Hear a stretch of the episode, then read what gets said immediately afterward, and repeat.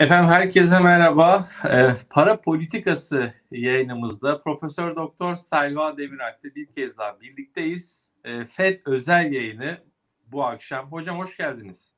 Hoş bulduk Barış. İyi yayınlar. Çok teşekkür ederim. Hızlıca geçeceğim. Ee, sizi iyi gördüm diyeyim. Halinizi hatırınızı zaten yayınlar önce sordum. Ee, dolayısıyla vakit kaybetmeden FED kararını değerlendirmeye, yorumlamaya başlayalım. E, beklendiği gibi 25 bas puanlık faiz artışı geldi. 5'ten 5.25 aralığına çıktık. Artık e, şu ifadenin de çıktığı söyleniyor. E, yeni bir faiz artışı, ek bir faiz artışı sinyalinin de kalktığı söyleniyor. Ne dersiniz? E, bununla başlayalım. Buyurun.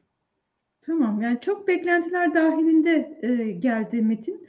E, Powell'ın sonrasındaki açıklamaları da zaten e, bunu destekliyor. Yani ne bekliyorduk? 25 bas puanlık faiz artışını bekliyorduk.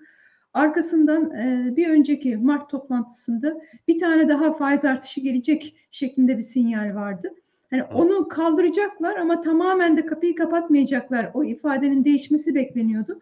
Gerçekten de öyle yapmışlar. Ee, hani bundan sonra artık toplantıdan toplantıya veriye bakacağız.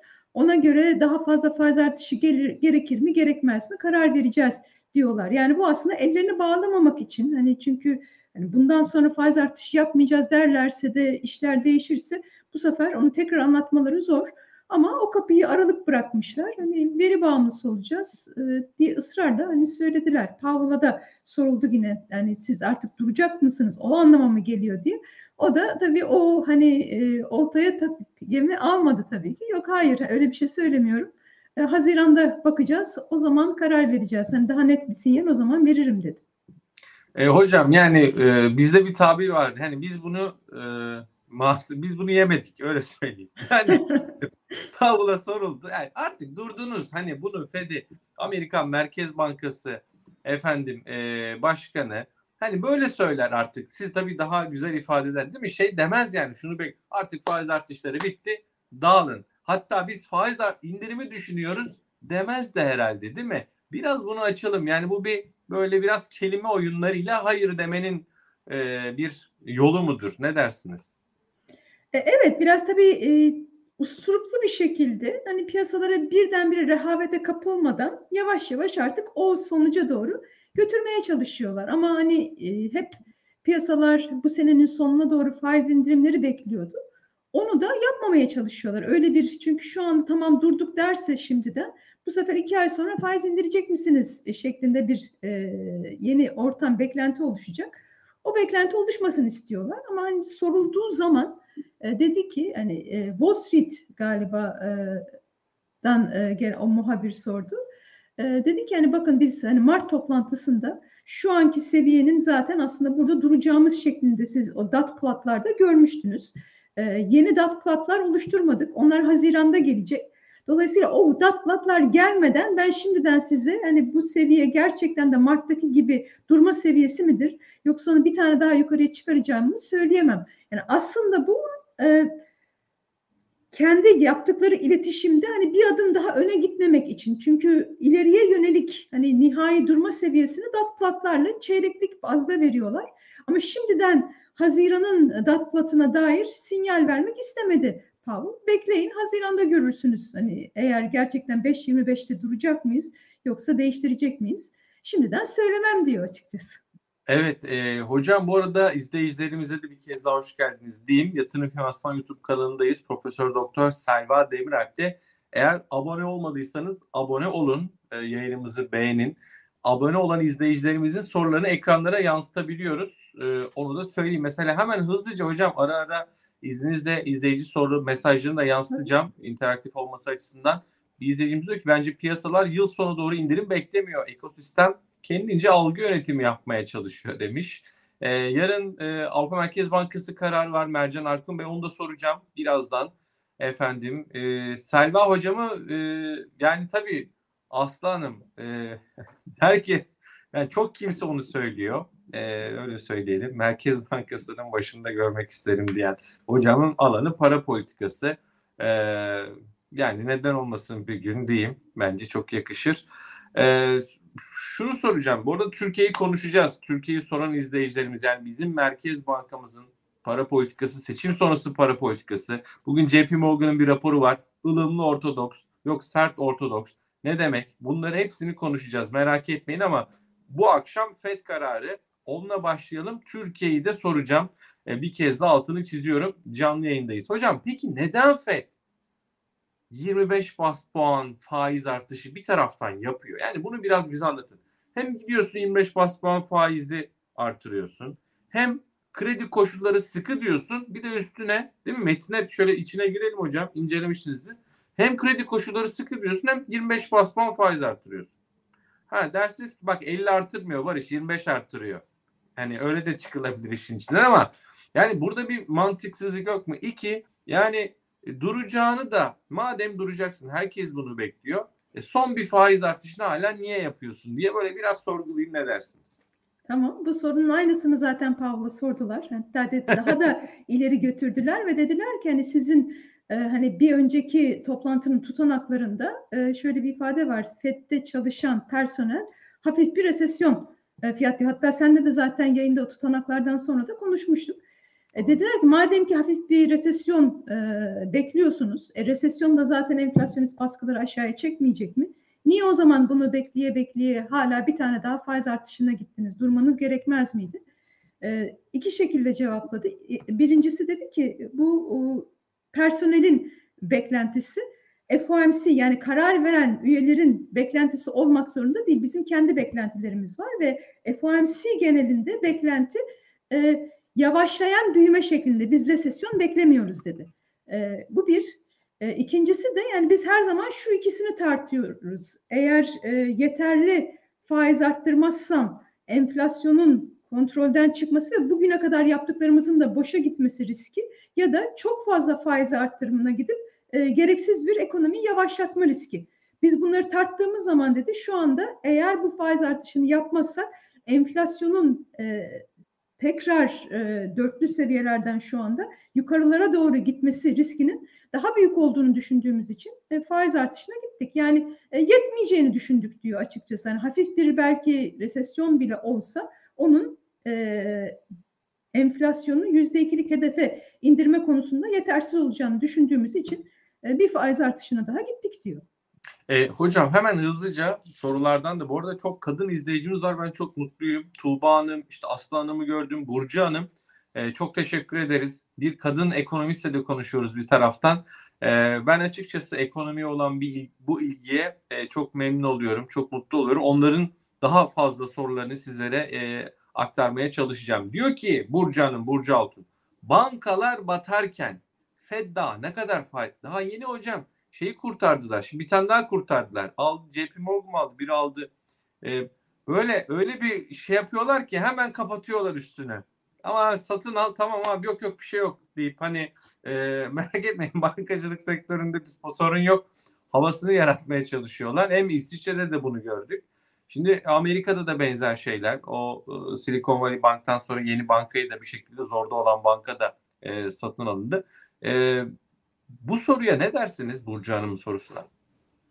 Ee, yani yine Fed'in e, bu tür soruları nasıl cevapladığından yola çıkalım. Sistemik olarak bankacılık sistemi üzerinde bir risk olmadığını, batan bankaların daha küçük, küçük olduğu için de regülasyonda bir aslında bir boşluk var. Bu Trump döneminden gelen aslında Dodd-Frank yani 2007 krizi sonrasında Fed çok e, sıkı bir regülasyon e, yasasını geçirmeye çalışıyordu bütün bankacılık sistemi için. Ama e, bu Dodd-Frank'in yani geçirilmeye çalışılan regülasyonların özellikle e, belli bir ölçeğin altında kalan bankalardan kaldırıldığını gördük.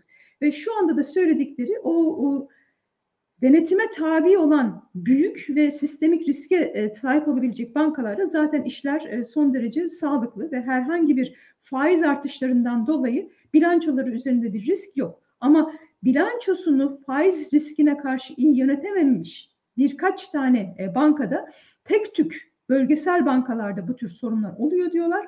Onu da para politikasının faiz aracıyla değil finansal istikrarı destekleyecek, likidite sisteme e, enjekte edecek alternatif yollarla biz e, sağlamaya çalışıyoruz. Bu ikisini beraber birbirine paralel bir şekilde götürebiliyoruz diyorlar. Yani e, faiz artışına karşı kendi korumasını, önlemini almamış olan bankalarla ilgili e, tamam e, sizi de sonuçta bunun bir genele yayılmasını engelleyecek önlemler alacağız. Ama bizim çok daha ulvi amaçlarımız var. Enflasyonu düşürmek ve toplumun genelinde e, refah kaybını engellemek gibi. Onun için bu birkaç tane bankanın batmasını biz daha e, önemli bulduğumuz, daha birincil hedefimiz olan e, enflasyon ya da fiyat istikrarı hedefinden bizi geri döndürmesine de izin vermeyeceğiz diyorlar. Evet, e, yine izleyicimizin mesajlarını da bol bol ekrana yansıtacağım. Abone olan izleyicilerimizin sorularını, mesajlarını yansıtabiliyoruz. Onu söyleyeyim. E, e, yani mesaj okumanız için illa kadın olmalı. Tabii ki kadın olmanıza gerek yok. Önder Bey ama borsa bu akşam e, doğrudan Türk borsasını konuşmayacağız. Hocam e, işte Fed için toplandık ama Türkiye'nin para politikasında e, aktaracağız. E, Mercan Bey zaten ona yanıt vermiş. Kendi aralarında da izleyicilerimiz diyalog kuruyorlar. Şöyle güzel bir e, soru daha vardı. Özgür Bey mesela e, ya da Özgür Hanım da olabilir ama fotoğraftan Bey olduğunu sanıyorum. FED diyor %2 enflasyon hedefini gerçekleştirme ihtimali şu anki faizle mümkün mü? Buna benzer bir soru daha var hocam. Mehmet Bey diyor ki FED tarih boyunca politika faizi enflasyon üzerine çıkana kadar artırmış. Enflasyon yapışkan oldu. Dünden bugüne zaten düşmeyecek, düşmez. İki yıllık politikayı bir kenara bırakıp yeter diyemez. Naçizane görüşüm. Şimdi burada hangi enflasyonu tabii üzerine çıkarıyor? PC'nin üstüne çıkardı? Ee, yoksa manşet enflasyona mı bakıyor? Bu iki soru e, ne dersiniz değerli hocam? %2 enflasyon hedefi de herhalde biraz hayal olduğu gibi şu anki tabloda. Hatta siz daha iyi bilirsiniz ama bazı FED üyelerinden bilmiyorum geçen programda sanki buna değindik. Artık %2 geçmişte kaldı. Yani FED için belki normal diyelim enflasyon 3-3,5'larda olacak belki diye yorumlar da var. Ee, ya da e, bilmiyorum bazı FED üyesi olmasa da ekonomistlerin bu tip yorumlarını okumuştum. Ne dersiniz? Şimdi e, yine Mart'taki toplantıdan sonra o projeksiyonlara bakmıştık ve o zaman söyledikleri e, biz işte 5 e, 25'e kadar politika faizini çıkarıp ondan sonra da senenin sonuna kadar e, işte beklersek 2022'yi 3.3'lük bir e, enflasyonla bitirmeyi 2000 pardon 2023'ü 2024'te ise bunun iki buçuğa düşmesini bekliyoruz diyorlar. Bunun da sebebi yani 2024'te aslında faiz indirimlerine başlasalar da para politikasının birikmeli ve gecikmeli etkilerinin esas o zaman meyvelerini toplamasını bekliyorlar. Yani Fed'in şu anda yapmış olduğu projeksiyonlarda aslında hedefe doğru e, bu sene değil ama gelecek sene iki buçuk sonraki senede ikiye gelecek şekilde bir patika öngörmüşler. Dolayısıyla onlar bunun mümkün olduğunu düşünüyorlar ve eğer e, olmazsa da daha fazla faiz artışı yapacağız şeklinde de e, kapıyı açık bırakmışlar. Yani Fed'in söylediği biz yapacağımızı yaptık. Bundan sonra artık e, bu politikaların ekonomiye tam olarak geçişkenliğini bekleyeceğiz. Ki o işte bir sene ile bir buçuk sene arasında e, bir süre olabiliyor. Yaklaşık bir senedir de faiz artışlarına gidiyorduk. Esas e, biz bundan sonra zaten artık yaptık yani ektiğimiz ürünü biçmeye başlayacağız şeklinde bir inanç var. Yine bugün de Powell'ın söylediği hani bize de enflasyon beklentilerine bakarsak ve politika faizinin şu andaki seviyesine bakarsak yaklaşık yüzde ikilik bir reel faiz veriyoruz ki bu da az buz bir e, reel faiz değil. E, dolayısıyla hani bu sıkılıkta bir e, politikanın onları hedeflerine doğru yaklaştıracağını söylüyorlar. Şimdi bunu bir kenara koyalım çünkü biraz sonra Türkiye'de konuşurken yani yüzde dörtlük bir enflasyona sahip Amerika'nın şu anda yüzde ikilik reel faiz verdiğini biliyoruz. Hani sonradan da hani Türkiye'yi konuşurken buraya geri dönüş yaparız. Yani son olarak da e, acaba enflasyon hedefini değiştirsin mi FED yüzde evet. iki olmasın mı? O konuda alternatif görüşler var. Yani e, bir görüş evet hani madem ki siz bu seneyi yüzde üçle bitireceğinizi düşünüyorsunuz. E o zaman madem üçe koysaydınız da o hedefi hedefi tutturduk derdiniz. Hani neden hala ikide tutuyorsunuz deniyor.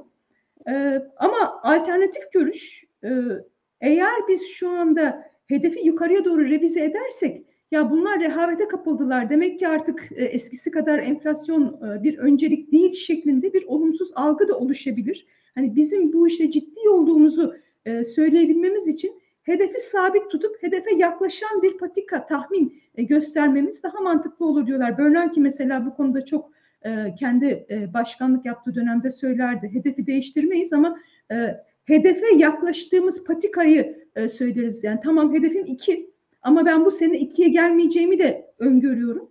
Dolayısıyla ikisinin ortasında hani e, bir beklenti yönetimi olarak düşünelim. Hedefi revize etmemelerini. Evet, e, tabii siz hakikaten reel faiz e, meselesi onu da Türkiye'de konuşuruz. Utku Bey de %5 hedefleyip %80 yapmıyorlar en azından demiş. Hani bize biraz böyle e, dokundurmuş diyeyim. E şimdi tabii bizde de hedef hep 5 yani Türkiye hadi FED e, 2'yi 3 yapsın mı diyoruz da bizim enflasyon işte en son 50'lerin altına geldik.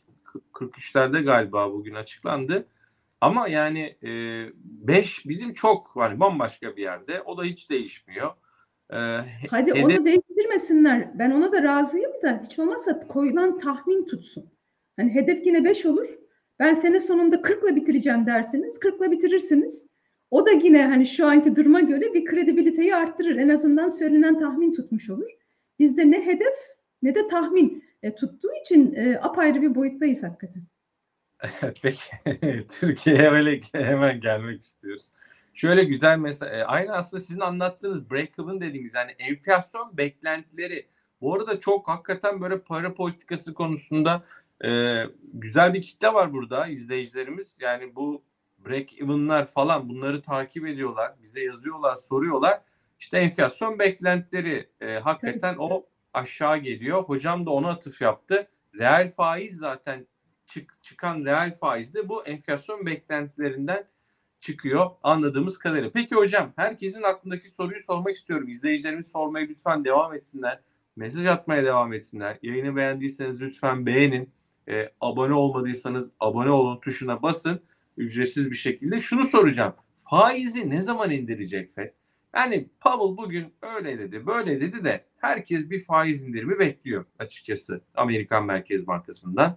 Ee, siz bir indirim bekliyor musunuz? Tamam biz işte uzun süre belki koruyacağız falan dese de hani asıl ne olacak? Belki onu soracağım ben size. Ee, şimdilik beklemiyorum. Ee, çünkü daha gidecek yol var. Yani henüz yüzde dörtte enflasyon. Evet beklentiler e, çıpalanmış. Hani izleyicimizin de söylediği gibi yüzde ikiler civarında. Bugün de zaten onun altını çizdi Powell. Her ne kadar e, enflasyon henüz e, hedefe gidecek yolumuz olsa da beklentiler çıpalanmış dedi.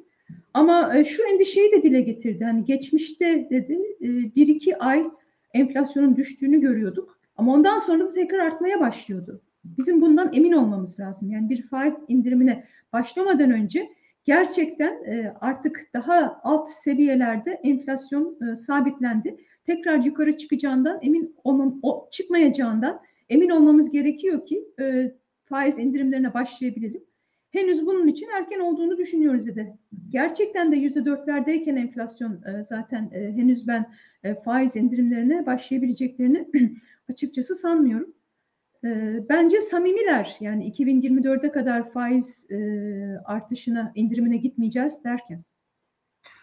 Samimiler diyorsunuz. Peki bu işte bankacılık krizi falan diyoruz ya bir ara böyle sönümleniyor. Sonra bir başka her ne kadar Fed de dese de siz de ifade etseniz hani küçük daha orta orta ve küçük bankalar olsa da yani daha büyük bir gelişme Fed'i e, bir faiz indirimine götürebilir mi? Yoksa o ılımlı böyle böyle bir risk her o zaman olabilir. var. Tabii tabii o olabilir. Ee, onun için hala zaten metinde hani tam olarak da önümüzü göremiyoruz. Hala belirsizlik var e, şeklinde söylemişler. Yani o kısımla ilgili metin nasıl değişmiş diye bakarsak şimdi Mart'ta e, metinde demişlerdi ki e, kredilerde bir sıkılaşma bekliyoruz bu bankacılık sisteminde üzerinde görülen gelişmelerden dolayı. Şimdi metini değiştirmişler. Kredilerde sıkılaşma görmeye başladık e, demişler ama hala da belirsizlik var diyorlar. Şimdi sen tabii çok doğru bir şekilde onun altını çizdin. Eğer işler hani bekledikleri gibi münferit birkaç bankada kalmaz da genele yayılırsa o zaman tamamen tablo mutlaka değişecektir. Ama şimdilik e, öyle bir hani e, korku içerisinde değiller e, görünüyor.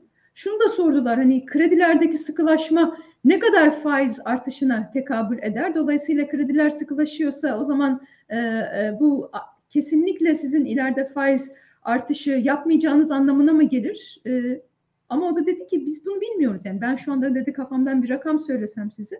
Hani gerçekçi olmayacak. Hakikaten onu hesaplayamayız. Şu kadarlık kredilerde sıkılaşma, bu kadar faiz artışına tekabül eder şeklinde bir rakamımız yok. Ama bakacağız dedi. Hani kredi piyasasındaki gelişmeleri takip edeceğiz ve o onu da e, aldığımız kararlara e, ekleyeceğiz. Yani buradan aslında şu, yani senin söylediğin soruya geliyoruz.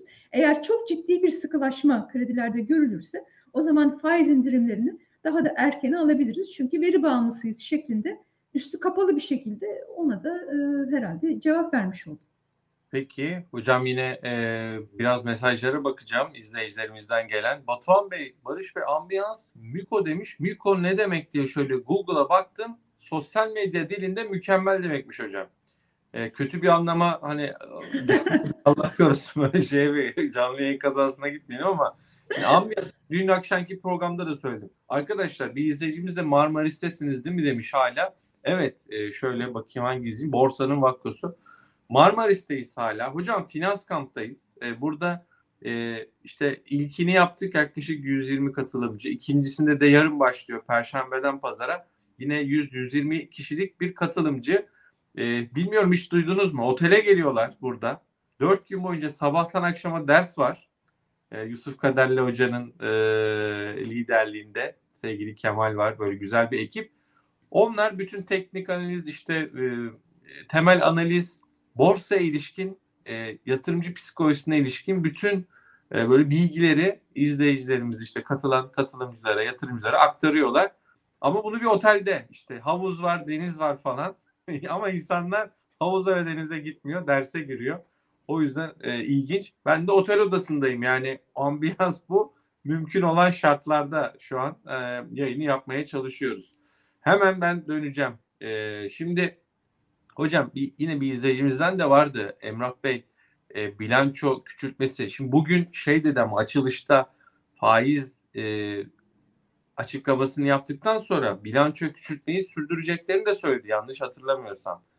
E, bu bu konuda ne dersiniz hocam? Yani QT dediğimiz e, o 4'ten 8'e çıkan e, Fed bilançosunun küçültülmesi de sanırım devam ediyor. Ekrem Bey de FED bilanço daraltıyor mu? Doları ana vatanına çekmiyor sanki demiş. Buradan belki doların değerine de yavaş yavaş geçeriz. Ee, ne dersiniz? Buyurun. Tabii. Ee, yani 2007 krizi sonrası bir de üstüne pandemi gelince FED bilançosunun çok ciddi bir şekilde genişlediğini biliyoruz. Ve FED'in e, biraz daha normalleştirmek istediğini de biliyoruz e, bilançosunu. Fakat e, bu kadar piyasalar likiditeye boğulmuşken yani 90 trilyonlara çıktı en, en zirve noktasında e, kolay değil. E, yavaş yavaş piyasaları ürkütmeden o bilançonun normalleşmesi gerekecek ve söyledikleri de bir daha belki hiçbir zaman yani çok uzun bir süre ya da eski seviyelerini görmeyeceğiz. Yani kriz öncesinde bir trilyonun altında bir bilanço vardı.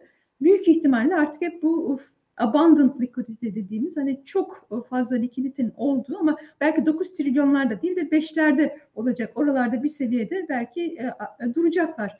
E, ama e, arka planda 700-800 milyar dolardı bu FED bilançosu evet, değil mi? Kriz öncesi. Oralardan tabii. geldi. Oralardan geldik. E, muhtemelen o günleri bilmiyorum. Herhalde biz görmeyeceğiz. Belki daha sonraki nesiller görebilirler ama e, şu anda en azından verdikleri sinyal artık bu şekilde para politikasını devam ettirecekleri şeklinde. Fakat yavaş yavaş hani arka planda bunu diyorlar bu politika sinyali olarak düşünmeyin. Bir normalleşme olarak düşünün. Giderek e, biz daha normal bir seviyelere getireceğiz e, ve yavaş yavaş çekileceğiz e, piyasalardan. Ona devam ediyorlar. Hatta çok da ön plana çıkarmak istemiyorlar ama ne yaptıklarını tekrar hani söylemek açısından evet arka planda yavaş yavaş e, FED bilançosunun daha normal e, seviyelere doğru geldiğini biliyoruz ama hala fazlasıyla likidite var sistemde. Onun için hani öyle bir e, likidite e, ciddi bir likidite de daralma hani e, gelişmekte olan ülkeleri olumsuz etkileme gibi bir durum söz konusu değil. Evet hele ki işte faiz artışlarının sonuna gelindiği algısı oluşuyorken e, faiz artışlarının hani daha fazla Fed'in yapmayacağı konusunda bir bu bugünkü e, e, toplantıdan çıkan mesaj varken Şimdi doların e, ne olacağını soracağım ama hani küresel anlamda belki sonra Türkiye'ye de döneriz. Onun öncesinde yarın Avrupa Merkez Bankası kararı da var.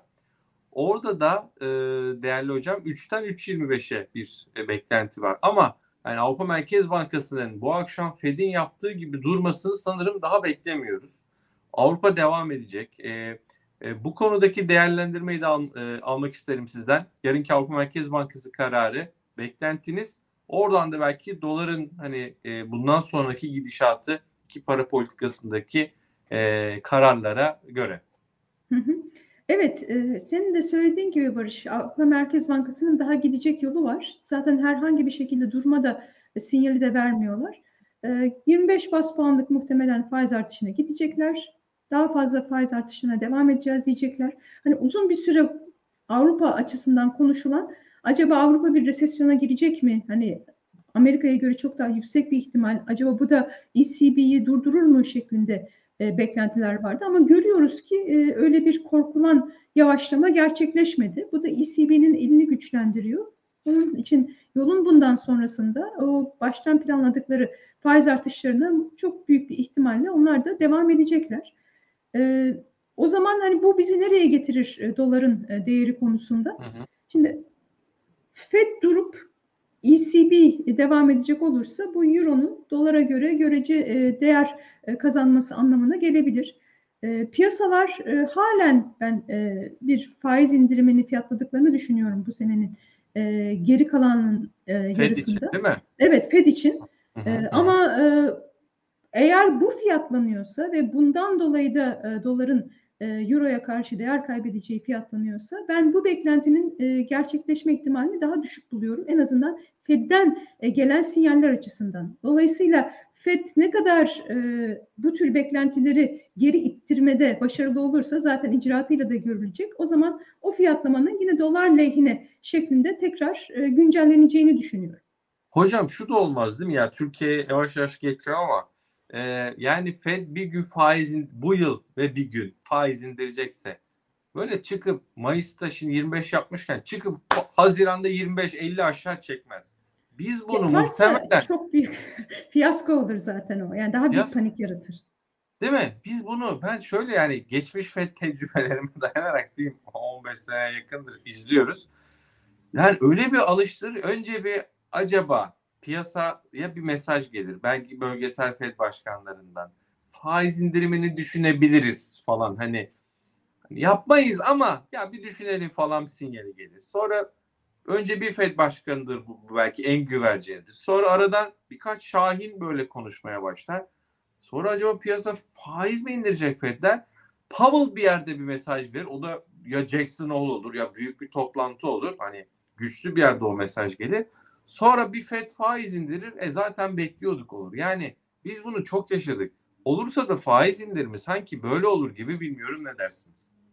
Ee, ya hem öyle iletişimini yapmadan e, faiz indirimi gelmeyecektir. Hem de bu kadar kısa bir süre yani bir önceki toplantıda faiz arttırırsa isterse bütün Mayıs ayı boyunca faiz indireceğim desin. Yine de o hiç e, yani e, doğru karşılanmayacaktır piyasalar açısından.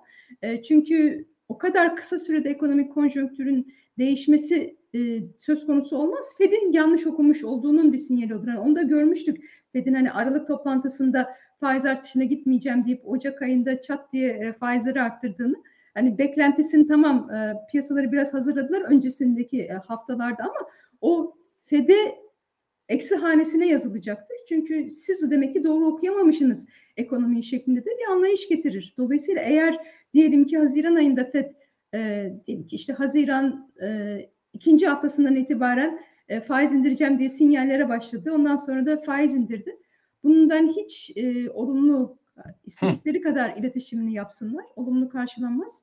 E, demek ki bizim göremediğimiz çok önemli bir şeyler oldu. Ekonomi çok kötüye gidiyor ki bu kadar bir telaşla apar topar e, faiz indirdiler şeklinde de bir geri tepme etkisi yapar bence.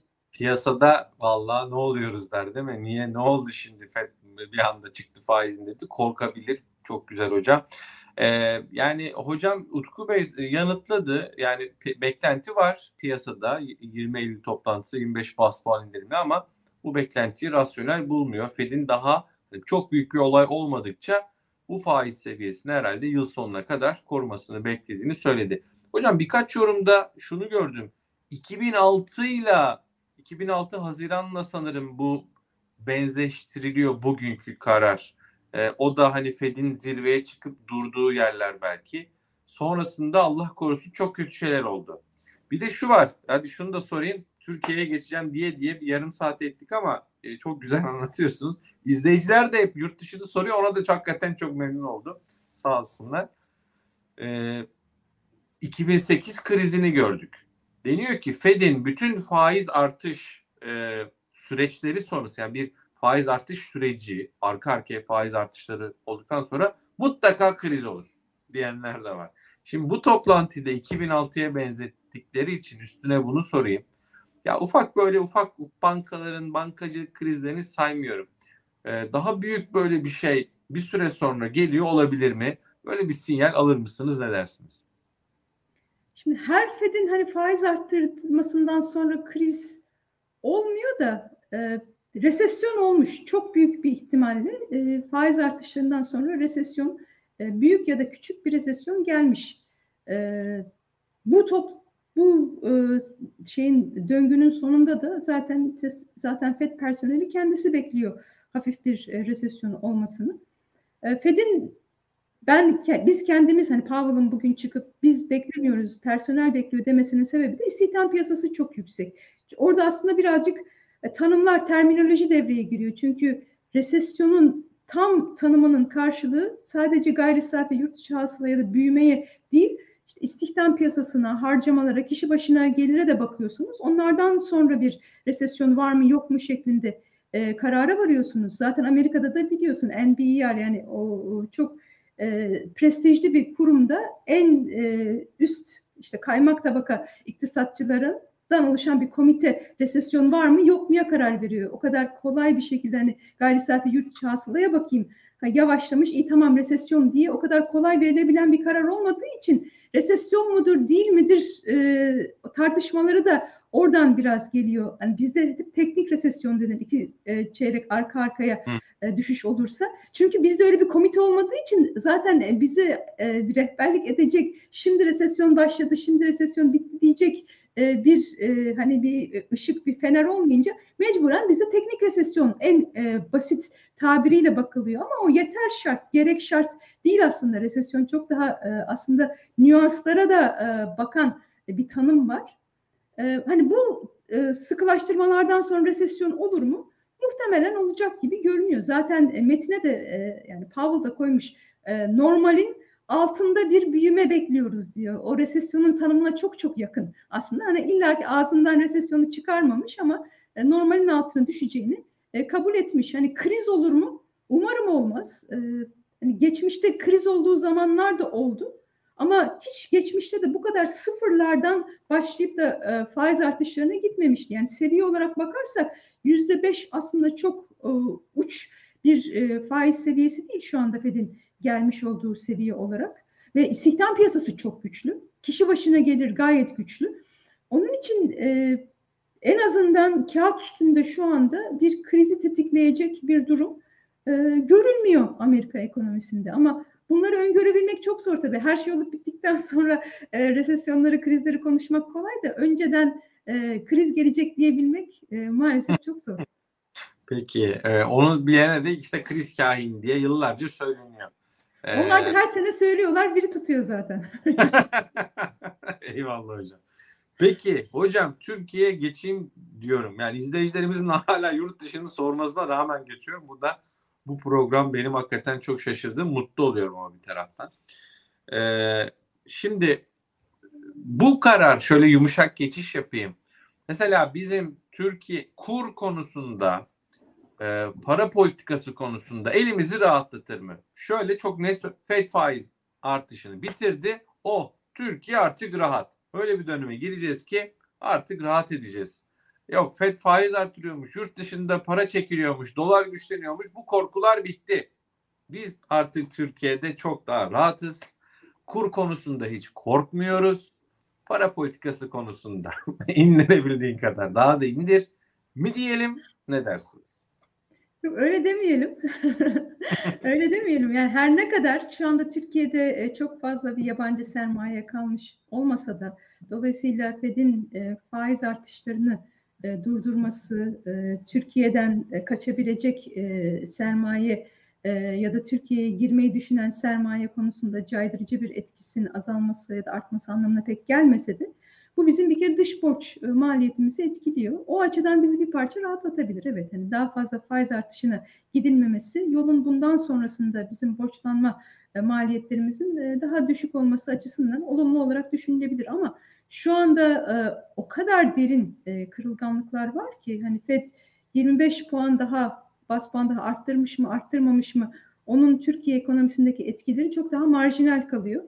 Bizim esas e, kendimize has e, çok o ciddi kırılganlıklarımızı, e, yaralarımızı sarmamız lazım. Hani reel faizden bahsettik Amerika'da yüzde dörtlük enflasyona yüzde ikilik reel faiz dedik. E, işte bizde bugün açıklanan enflasyon, da manşet enflasyonu yüzde 43 e, şeklinde, e, politika faizi yüzde sekizlerde. Yani resmi rakamlarla bile e, çok ciddi negatif olan e, bir reel faiz söz konusu. Ve bunun da getirdiği çok önemli e, kırılganlıklar var.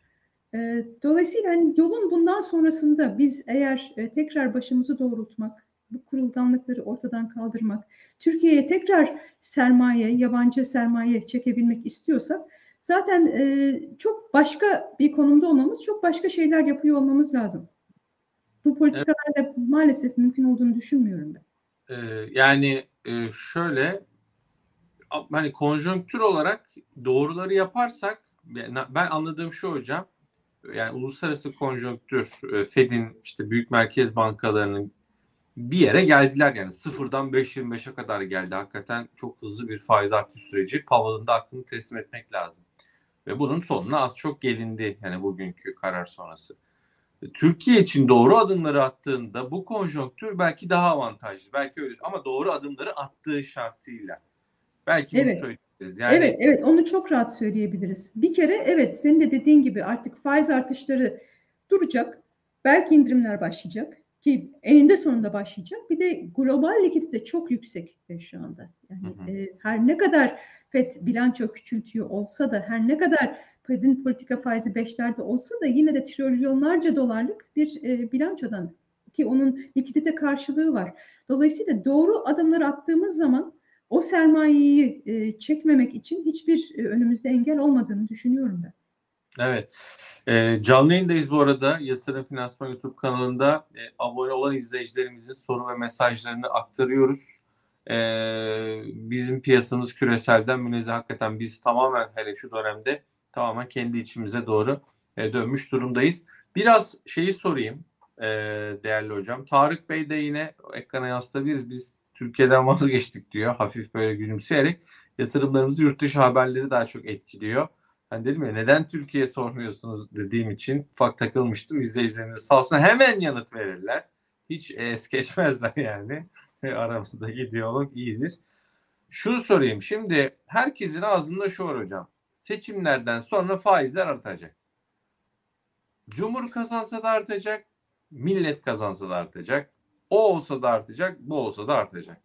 Bu konuda e, 8,5 olan politika faizimiz, e, piyasadaki faizler, özellikle mevduat faizleri 30'larda, dolara ciddi bir faiz veriliyor Türkiye'de. Yani döviz mevduatına ben çift taneleri artık duyuyorum. Yani bir kişiden duyduğum için burada canlı yayında kamuya açık bir yerde o rakamı söylemeyeceğim ama yüzde onun üstü dolar faizi. Hatta bunu hemen yaptığınızda faize hemen veriyormuş bazı bankalar, kamu bankalarında. E, dolayısıyla böyle bir süreç var. E, ama para politikasına döneyim programımızın ismine. Seçimden sonra ne olursa olsun faiz yükselecek. Kim gelirse gelsin diyebilir miyiz? Ee, şöyle, eğer e, Millet İttifakı para politikası kontrolünü alırsa zaten söyledikleri yani beyanlarına baktığımız zaman bildirgelerde evet e, geleneksel politikalara dönüleceği, enflasyon hedeflemesi yapılacağı çok net bir şekilde söyleniyor. Hatta artık her türlü detayını da biz giderek öğrenmeye başladık. Hani sıkı para politikası uygulanacak. Bunun bir maliyeti var. E, ama biz e, maliyetten korkarak bu yoldan dönmeyeceğiz. Merkez Bankası'na e, tam bağımsızlık vereceğiz.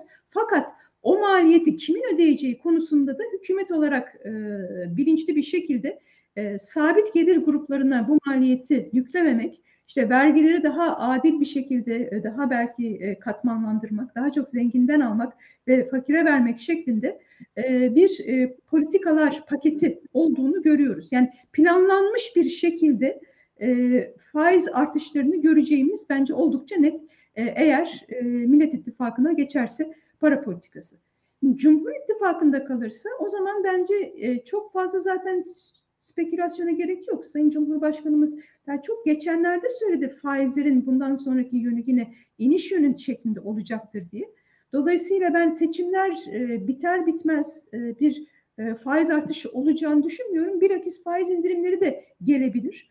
Ama şu var hani o her e, alternatifte faiz artışı olur diyen iktisatçı arkadaşlarım şunu bence düşünerek söylüyorlar. Mevcut politikalar sürdürülebilir olmadığı için ülkede e, ödemeler dengesiyle ilgili çok ciddi sorunlar yaşanacağı için eğer faiz indirimleri ya da düşük faiz politikası devam ederse mecbur kalıp e, Cumhur İttifakı da faiz artışına gitmek zorunda kalabilir diye ki ben de bu görüşe katılıyorum. E, ama onun ne zaman olacağını hemen seçimlerden sonra olacak şekilde söyleyemeyiz. Çünkü e, tam olarak durma noktası ne zaman olur?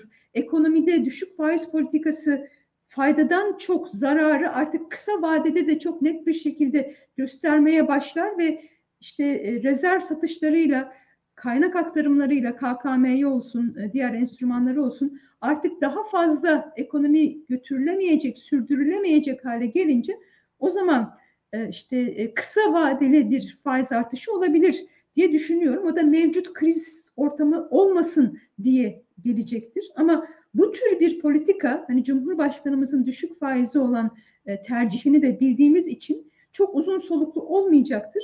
Hani en kısa sürede de tekrar faiz indirimlerine ben geçileceğini düşünüyorum. O senaryo altında.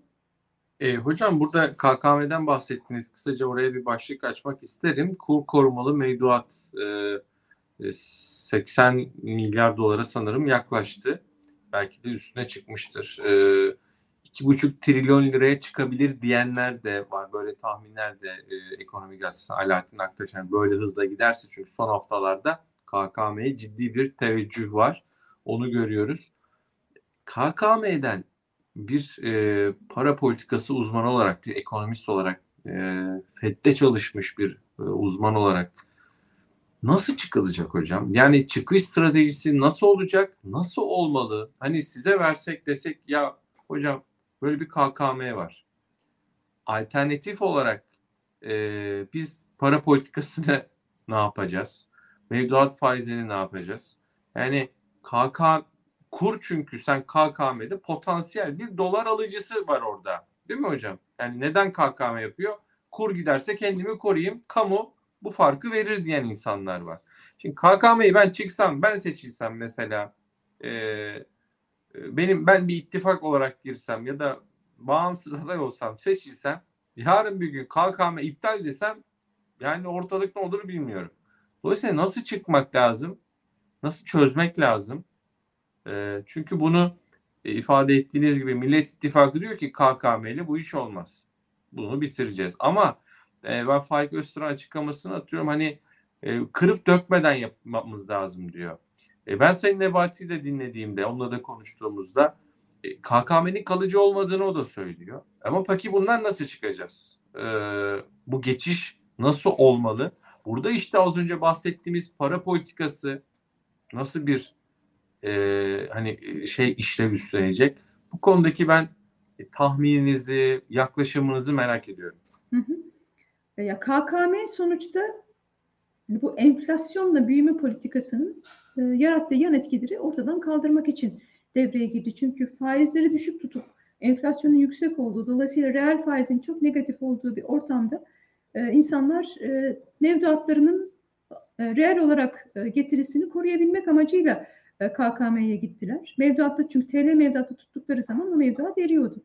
E, ve dövize olan talep artınca da hani insanlar dövize tutmasın, e, kur korumalı mevduatta tutsunlar. O döviz e, artışı kadar da üstüne e, devletin e, kaynakları ya da Merkez Bankası'nın kaynakları aktarılsın e, şeklinde bir enstrümandı.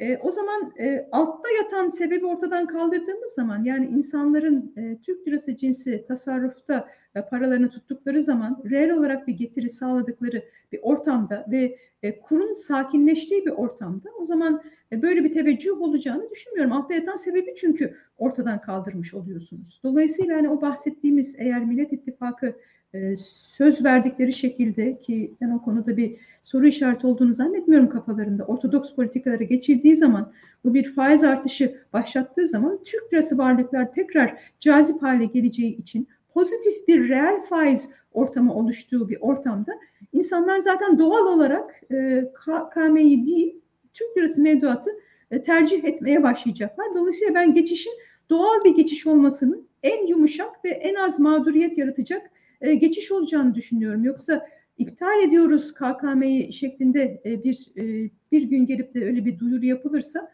o vatandaş nezdinde de e, çok olumlu karşılanmayacaktır. Hocam şunu soracağım. Zaten fa yani tercih yaparken faiz tercihini vatandaş e, olarak biz politika faizli bilgimiz yani tamamen kalmadı ki. 30 olan zaten bir e, mevduat faiz var en az 30'lardan bahsediyorum. Şimdi Merkez Bankası ortodoks politika uygulayacağım. Ben 8,5'u 10 yaptım dese zaten orada 30 var. O mevduat faizine hani bir etkisi olacak mı ki? 30'u 32 mi olacak? 8,5 10 oldu. 30 32 mi olur? Yani oraya çünkü bayağı mesafe var. Ee, bir, e, iki beklenen enflasyona göre bir faiz artışından söz ediyoruz. Çünkü mesela şöyle bir izleyicimizin mesajı da var. Geleneksel para politikasına döndüğümüzde de yaşanacak faiz artışlarının hızı ve yüksekliği beni tedirgin ediyor demiş. Yani o faiz artışı yani ortodoksa dön yani KKM'den çıkış yumuşak olmalı ama sanki e, belki bu üslup yanlıştır ama para politikası yapan hani onu uygulayan e, anlatan sizsiniz. Faiz artışına ortodoks politikaya geçiş de sanki biraz yumuşak olmalı. İşte orada o dengeleri çok iyi kurmak lazım. E, çünkü eğer çok yavaş kalırsanız da bu sefer e, reel faiz yine negatiflerde kalacaktır ve insanları o enflasyonu düşürme konusunda kararlılığınıza inandıramazsanız o zaman yapışmış olan beklentileri aşağıya çekmekte e, oldukça zor. Ürkek, ürkek olursanız mı diyorsunuz hani? Evet, evet. Hani o Şahin güvercin niye diyoruz? Değil mi hocam? Ondan diyoruz herhalde para politikası. Tabii, tabii. Güvercin Yani niye o- güvercin? Orada e, elini çok iyi oynaması gerekecek yeni ekibin E, ve e, benim Ya da en mevcut Bilmiyoruz yani. Belki de Evet. mevcut evet Hı hı. e, ama her kim olursa olsun diyelim hangi ekip olursa olsun e, eğer gerçekten samimilerse enflasyonu düşürme konusunda ve ben geleneksel iktisattan, ortodoks iktisattan yola çıkarak ancak bunu cevaplayabilirim. Çünkü zaten mevcut politikalarla enflasyonun düşmediğini gördük. E, şimdi bizim şansımız biraz ironik bir şekilde şu olacak. Yüksek enflasyon zaten talebi büyük ölçüde boğduğu için şu anda geriye kalan enflasyon büyük ölçüde beklentilerden ve yapışkanlıktan geliyor. Yani eğer enflasyonun altında yatan sebep büyük ölçüde talep olursa o talebi siz azaltmadan enflasyonu da düşüremezsiniz. Ama bizde zaten e, düşük faiz politikası kendi kendini e, öldüren bir politika oldu şu şekilde. Yani düşük faizle talebi canlandıralım dedik ama ortaya çıkan enflasyon da talebi boğmaya başladı. Dolayısıyla şu anda çok fazla bir talep fazlası yok ekonomimizde. Eskiden Merkez Bankası enflasyon raporunda çıktı açığını gösterirdi. Onun Hı. için e, ne kadar e, talep fazlası var onu görebilirdik. Şimdi artık kaldırdılar. Göremiyoruz ama benim hissiyatım hani büyüme rakamlarına da bakarsak mesela ben büyümenin e, şu anda çeyreklik olarak e, yaklaşık birler civarında senelik olarak da işte iki buçuk üçler civarında olduğunu düşünüyorum ki bu e, öyle çok yüksek bir talep enflasyonuna işaret etmiyor. Dolayısıyla hani bu, burada bunu nasıl iyiye yoracağım, nasıl bir güzel sonuç çıkaracağım? Güzel sonuç şu, eğer siz e, samimiyetinize inandırırsanız insanlara, bakın o beklentilerden geliyor sadece enflasyon. Dolayısıyla o beklentiyi aşağıya çekebilirseniz çok fazla bir e, acı reçete uygulamadan da e, bu işi kotarabilirsiniz diye düşünüyorum. Ama e, hani sözünüze inandırıcılık, inandırıcılık önemli e, ve kaybolmuş bir kredibiliteyi sıfırdan inşa edeceğiniz için hiçbir şey yapmadan o kredibilite gelmeyecek. Dolayısıyla baştan bir parça belki önden yüklemeli e, bir e, faiz artışları olacak. E, ama çok ciddi bir reel faize e, gerek kalmadan da eğer e, beklentileri kontrol altına alabilirseniz o zaman e, ben e, dozun e, minimumda kalabileceğini düşünüyorum. E, şeyi okuyordum. Yine oradan söyleyeyim ben de Barış. Bernanke'nin Bernanke'nin yeni kitabı 21. yüzyılda e, e, para politikası e, kitabı. Şunu söylemiş. E, şimdi Var mı? Elinizde mi? Görebilir miyiz? Vallahi Yani yanımda yok. Bir dahaki yayına getireyim onu. ben alttan çıkarıp gösteriyordu. Hocam. Diyorlar ki e, hani Walker'ın ne kadar şahin olduğu biliniyordu. Ve e, Walker e, sonuçta e, uyguladığı politikalar bir resesyona sebep olduğu için de Amerikan, zamanın Amerikan başkanının e, yeniden seçilmesine engel olmuştu. O zaman niye bile bile Walker'ı e, böyle bir göreve getirdiler? Hani bir acı reçete söz konusu. Bernanke şöyle çok e, benim hoşuma giden bir açıklama getirmiş. Diyor ki Walker o kadar şahin olarak biliniyordu ki sırf onun ismini koyarak o beklentileri satın almak ve dolayısıyla dozunu reçetenin daha düşük tutmak mümkün oldu Walker'ın ismi üzerinden. İşte benim de söylemeye çalıştığım o. Yani e, kredibilitesi olan e, ve e, geçmişte de e, enflasyon konusunda duruşu belli olan bir ekip e, gelirse başa yani mevcut iktidar devam etse de bence bu ekiple o kredibilite pek kolay olmayacaktır. Belki onlar da bazı değişiklikler düşünürler. Bilmiyorum yani siyasi kısmına girmeyelim için ama hani söylemeye çalıştığım teknik olarak isimler üzerinden de bir kredibilite kazanmak mümkün ve o kredibilitenin de o reçetenin maliyetini düşürmesi daha az faiz artışıyla daha hızlı bir şekilde enflasyonu düşürmesi mümkün olabiliyor. Yani hocam çok güzel anlattınız ya valla. Amerika'da bile böyle isimler hani e, demek ki etkili ya. Böyle piyasayı etkilemekte, beklentileri etkisi açısından. Ben e, şeyi çok tabii e, takip ediyoruz. Güney Afrika'yı da çok iz- izlerdim.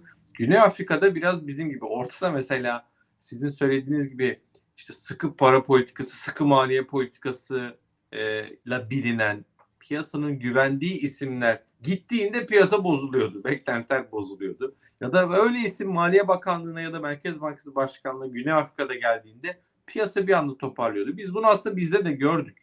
Yani e, eğri oturup doğru konuşalım. Sayın Naci Ağbal'ın Merkez. Bankası Başkanlığı döneminde attığı adımlar faizde, CDS'lerin aşağı gelmesi falan bunlar yaşandı. E, eski Maliye Bakanı, sonrasında işte Merkez Bankası Başkanlığı vesaire. Yani isimler bizde de söylediğiniz gibi seçim sonrası kim gelirse gelsin e, çok piyasa tarafından kimin yöneteceği, nasıl yöneteceğine ilişkin bir sinyal olacak. Sinyal etkisi olacak onu takip edeceğiz. Hocam yavaş yavaş sonuna geliyorum ama birkaç e, sorum daha var. İzleyicimizle devam edelim. Abone olan izleyicilerimizin sorularını yansıtabiliyoruz ekrana demiştim. Şöyle bir soru var Özgür Çakır Bey'den. Dolar karşısı TL değerli mi, değersiz mi? Majör kriter nedir? Şöyle yorumlar ben duyuyorum. TL aşırı değerli diyorlar. Bunu yabancı kurumlar da söylüyor, ihracatçı da söylüyor. Bir e, kurun özellikle dolar TL'nin biz TL aşırı değerli demek için e, hani nereye bakalım, nasıl söyleyebiliriz bunu? Ve şu havada var. Belki burada ufak bir kur yorumu da gelir sizden. Kur baskılanıyor. E, seçimden sonra kur yukarı gidecek. Yine e, önceki söylemimize dönüp o, o da kazansa gidecek, bu da kazansa da gidecek gibi bir hava var. Bu yabancı kurumların raporlarında da öne çıkıyor. Yani kimden ba- ne yapıp kimin seçileceğinden bağımsız diye. E, ne dersiniz bu soruya? Yani Özgür Bey'in e, sorusunun cevabı ikisi de haklı. Değerli diyenler de haklı, değersiz diyenler de haklı. Çünkü birisi uzun vadeli bakıyor, birisi daha kısa vadeli bakıyor. E, yani e, daha uzun vadeli dönemde yani kurun bu kadar tutulmadığı döneme bakacak olursak e, çok ciddi bir değer kaybını görüyoruz Türk lirasında. Ama e, son dönemde hani ilk başta Türk lirasını değersizleştirip bu şekilde ihracatı arttıracağız diye başlayan yeni ekonomi modelinde biz e, bir U dönüşü gördük. E, e, sonuçta kurdaki değer kaybının yarattığı maliyetler e, çok yüksek bir fatura e, oluşturmaya başlayınca da bu sefer Merkez Bankası'nın işte analistlerimizin e, hesaplarından görüyoruz. Farklı analistlerimiz var. Haluk Bürümcekçi var. Bloomberg'den Selva Baziki var. E, rezervlerinin satıldığı e, ve bu şekilde de kurun tutulmaya çalışıldığı milyarlarca dolarlık rezervden bahsediyoruz. E, o zaman da ne oldu? E, normalde nominal kurdaki yani TL dolar kuru diye düşünelim. Bunun e, Türkiye'deki enflasyon ve Amerika'daki enflasyonun farkı kadar e, değer kaybetmesi e, beklenir. Dengelerin sabit kalması için. Ama bizde e, bu aradaki iki ülke arasındaki enflasyon farkından e, çok daha az e, nominal kurun e, değer kaybettiğini gördüğümüz için son dönemde reel olarak aslında değer kazandı. Reel efektif döviz kuru diyoruz ki ihracatçılarımız da bundan e, dolayı şikayetçiler. Yani dolayısıyla e, değer kaybı da var evet e, ama son dönemde bir e, değer kazanması da e, Türk lirasının söz konusu. Seçimden sonra ne olur? E, yani yine eğer Millet İttifakı gelirse bu döviz satışları e, politikasının duracağını ben düşünüyorum. E, öyle bir ortamda önce bir normalleşme e, söz konusu olacak. Muhtemelen e, e, mevcut tutulan seviyelerden daha e, Türk lirasının değersiz olduğu en azından kısa vadede e, bir seviyelere gelebileceğimizi düşünüyorum. Fakat hemen akabinde de e, sıkı para politikası başlayacağı için e, Türk lirasına olan talep artacağından e, bu değer kaybının oldukça da sınırlı kalabileceğine de inanıyorum. E, bunu biz 2001 sonrası dönemde de görmüştük zaten. O zamanlar hatta tam tersi bir sorunla karşı karşıyaydık. Türk lirasının değer kaybetmesi değil, aşırı değer kazanmasıydı o dönemin politika yapıcılarının sorunu. Yine benzer noktalara er ya da geç geleceğimizi düşünüyorum. Ama e, Cumhur İttifakı ile devam edecek olursak o zaman da hani mevcut rezerv seviyeleri e, swap hariç net rezervler ciddi negatif seviyelerde olduğu için ve şu son dönemde de giderek biz e, kur üzerindeki o tutuşun e, azaldığını görerek hani sinyal olarak iktisatçılar olarak diyoruz ki belli ki artık e, yeterli kaynak kalmıyor. Kaynaklar e, kurumaya başladı ki e, bu sonucu gözlemliyoruz. Yoksa seçim öncesinde muhtemelen hani Türkiye'de barometre olarak görülür kur e, Türk lirasının değer kaybetmesine izin verilmezdi şeklinde e, çıkarımlar yapıyoruz. Oradan da yola çıkarak belki seçim sonrasında artık bu tür kontroller e, daha hızlı bir şekilde e, devreden çıkar ve serbest piyasada kurun olması gereken yani enflasyon iki ülke arasındaki enflasyon farkının ima ettiği e, yüzdelerle Türk lirasında değer kaybı görebiliriz diye düşünüyorum. Ama o politikalarda ben bir faiz artışının e, çok e, hızlı bir şekilde gelebileceğini düşünmediğim için eğer o söz konusu olursa daha hızlı e, bir değer kaybı da söz konusu olabilir. Ama bunlar hani çok basit mantık yürütmeye çalışarak elde etmeye çalıştığım sonuçlar. Yoksa hani kura ne olur? İktisatçı olarak biraz ondan da imtina etmek istiyorum açıkçası. Tabii tabii. Kur şu olur demez hoca. Yani onu söyleyeyim seçim sonrası. Ee, Batuhan Bey e, bu da güzel bir mesaj. Buna da katılıyorum. Ben katılıyorum naçizane hocam. Hani siyaset tabii girmeyeceğiz bu programda ama e, hani ekonomide siyasetten bağımsız değil. Siyasette ekonomiden bağımsız değil. 2024 seçimleri yaklaşıyorken para ve maliye politikanı doğru adım atabileceğini düşünüyor musunuz? Evet yani soru işareti. Millet çok- seçicisi soru işareti. Tabii tabii.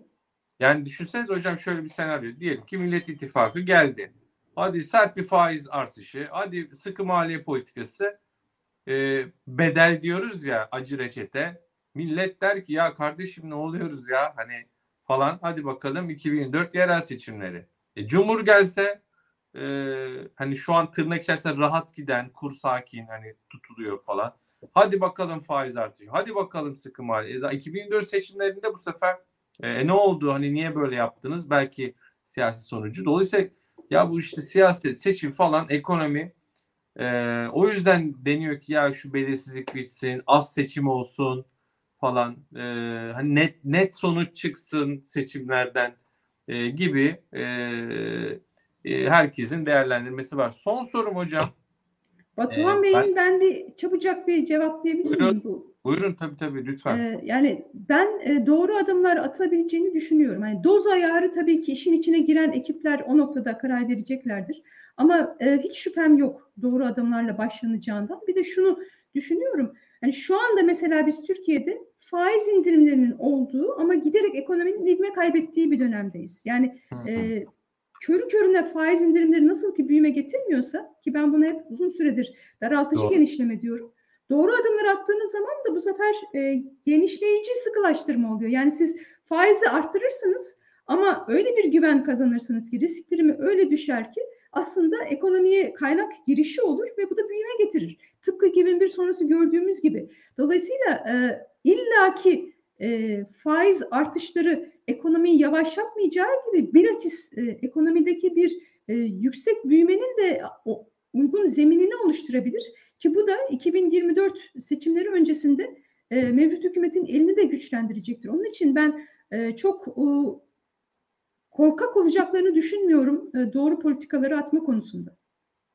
Vallahi hocam bu noktada tam farklı taraflardayız ama o yaklaşım da beni ikna etti açıkçası. Yani sıkılaştırıcı politikanın ama nihayetinde daha e, rahat kredi koşulları belki e, büyümeye dönük güvenin gelmesiyle politikalar. Ya bu hocam son sorum ne? Şu JP Morgan size de paylaşmıştım.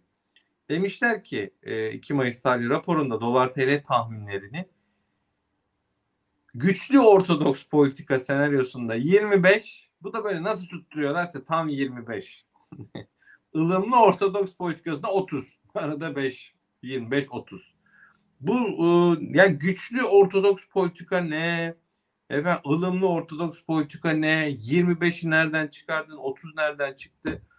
Ee, e JP Morgan demeyeceğim tabii ama. Ya bu ne? Ilımlısı ne? Bunun güçlüsü ne? Hani bir, belki bu yorumla kapatalım. Tamam tabii. Yani orada birinde çok faiz artışı olursa, birinde az faiz artışı olursa şeklinde kafalarına göre iki senaryo yapmışlar e, tahmin ediyorum. Yani zaten bu raporlara da baktığımız zaman hani bir politika faizi işte 20'lere 25'lere gelen diyenler var. Bir 30'lara gelen 30'lara 40'lara bile gelen diyenler var. Tahmin ediyorum hani ılımlı e, politikadan kastettikleri işte 25-30 aralığı güçlü politikadan bahsettikleri de işte 30 belki 40 aralığı olabilir e, politika faizinde. E, onun geleceği yere bağlı olarak da ne kadar siz sonuçta politika faizini arttırırsanız o kadar e, dışarıdan kaynak çekeceğiniz için kur üzerindeki baskılar azalıyor diye düşünüyorlar tahmin ediyorum. Ona göre de bir takım simülasyonlar yapmışlar. Evet. Burada şey yani ben tam raporun tamamına göz atmadım ama hani e, güçlüyü şu yapar, serti bu yapar dememişler anladığım kadarıyla ama hani hani kim seçilirse diyoruz ya güçlü ortodoksu o ittifak yapar. ılımlı ortodoksu o ittifak yapar. Sonucunda ben biraz zorlarsam belki çıkabilirim. Hocam Vallahi çok teşekkür ederim ya süper oldu. Ben teşekkür ederim. Ee, izleyicilerimize de çok teşekkür ediyoruz. Böyle bayağı bir işte FED sordular, daha fazla sordular bize. İçerisinde konuştuk. Artık bir sonraki yayın ne zamana kısmet olur bilmiyorum. Seçimden sonra mı olur? Haftaya mı olur tam seçim öncesi bilmiyorum hocam. Bir bakalım ya konuşuruz inşallah. Tamam tabii konuşuruz. Kendinize çok çok keyif aldım. İzleyicilerimize çok teşekkür ediyoruz. Yayınımızı beğenmeyi unutmayın. Beğendiyseniz e, şöyle beğen tuşuna basın. Abone olmadıysanız abone olun. Yatırım Finansman YouTube kanalında yayınlarımız devam edecek. Allah'a ısmarladık.